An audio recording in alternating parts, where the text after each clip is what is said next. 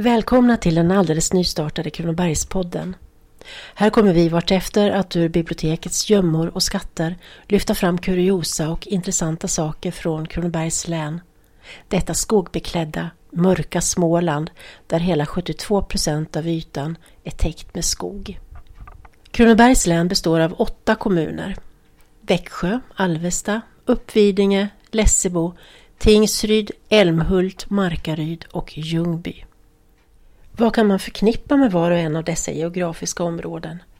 Vi passar på att göra en liten rundresa i detta första program och friska upp minnet. Och här och var kanske vi gör ett litet uppehåll och får oss något till livs.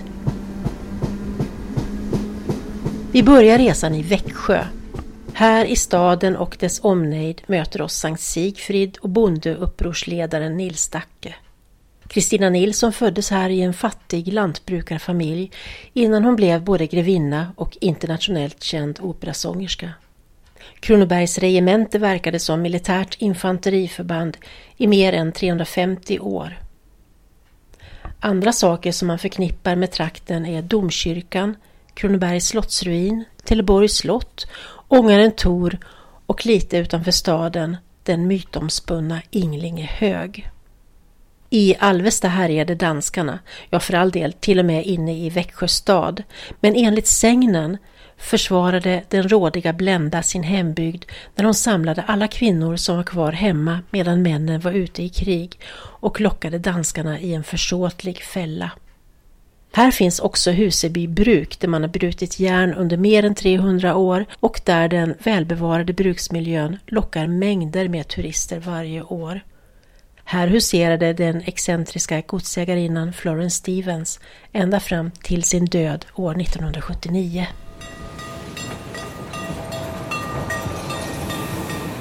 Uppvidinge i Kronobergs läns nordöstra hörn har vacker natur, stora skogar och en rik brukshistoria som omfattar både glas och järnbruk.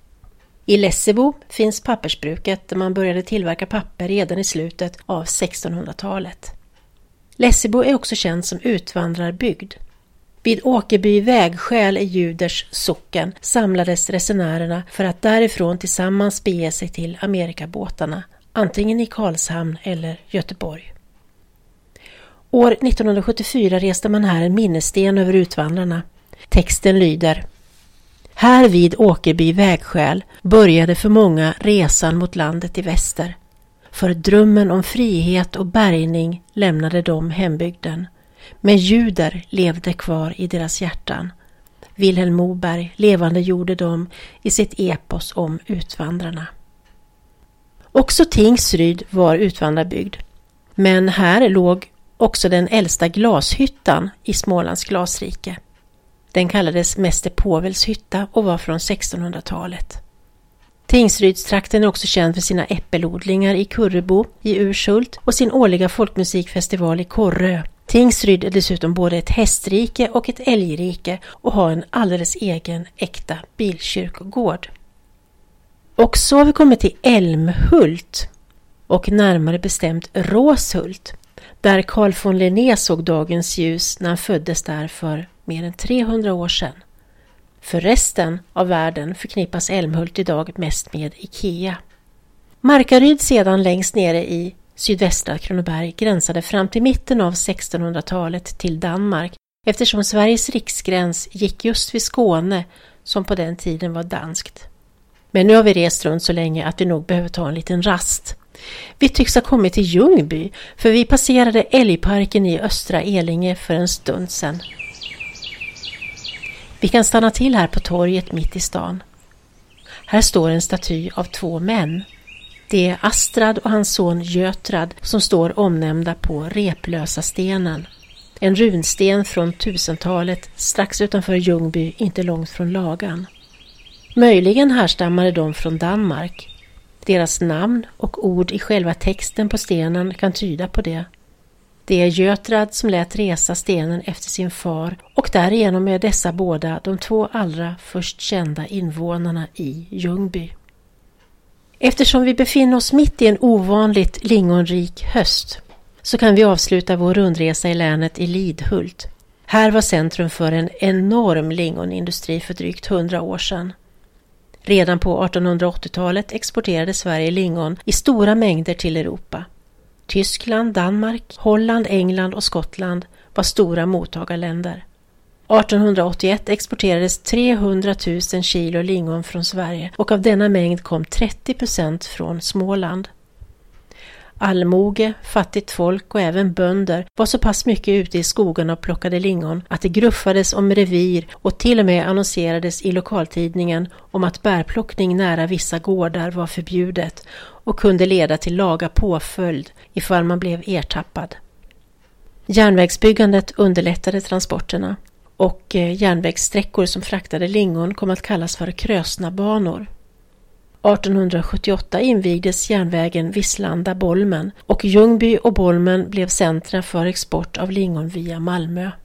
När sedan banan Bolmen-Halmstad byggdes blev Lidhult centrum för traktens lingonhantering. År 1902 exporterades 200 000 kilo lingon bara från Lidhult. Och det var här som den värmländske stinsen S.J. Svensson träder in på arenan. Han insåg lingonens potential och bildade år 1903 aktiebolaget AB Lingon med huvudsäte just i Lidhult. Han var en vältalig man som i bibliska termer spred sin vision av hur man med lingonens hjälp kunde ge Sverige arbetstillfällen och rikedom. Han frestade med billiga aktier om 50 kronor styck 1906 köpte AB Lingon 3 miljoner kilo lingon av plockare för att omsätta i handel. Självaste kung Oscar II nedkallade Guds välsignelse över AB Lingons verksamhet och S.J. Svensson, han for själv till USA och förkunnade sina idéer och satsade på att starta en filial till Lidhult i Connecticut. Han planerade också att exportera lingon så långt bort som till Egypten, Indien och Kina. Men en polisutredning kring AB Lingon visade att direktör Svensson var fullständigt okunnig i bokföring. Aktiekapitalet var helt förbrukat och därtill kom skulder på 175 000 kronor, vilket på den tiden var detsamma som driftskostnaden för Växjö lasarett under ett par års tid. År 1908 var konkursen ett faktum. Direktör Svensson fann för gott att schappa och lämnade Sverige för gott och företagets sista hus revs drygt 60 år senare. Det hade varit en lång röd byggnad bakom det förutvarande mejeriet. Vilken historia! Och därmed får vår rundresa också vara slut. Fast eftersom vi är i Ljungby och lingonplockarland kan vi inte låta bli att nämna att härifrån kom Carl Williams, mer känd under pseudonymen Kalle i Dalen. Han var journalist från Hamneda som också skrev ett flertal böcker men han är nog mest känd för texten till den här sången.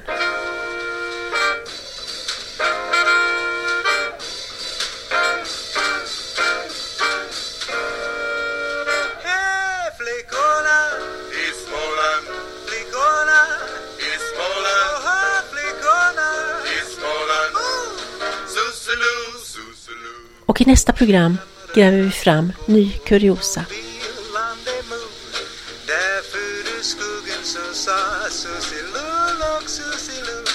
Där kan du se dem en och en och stundom två och två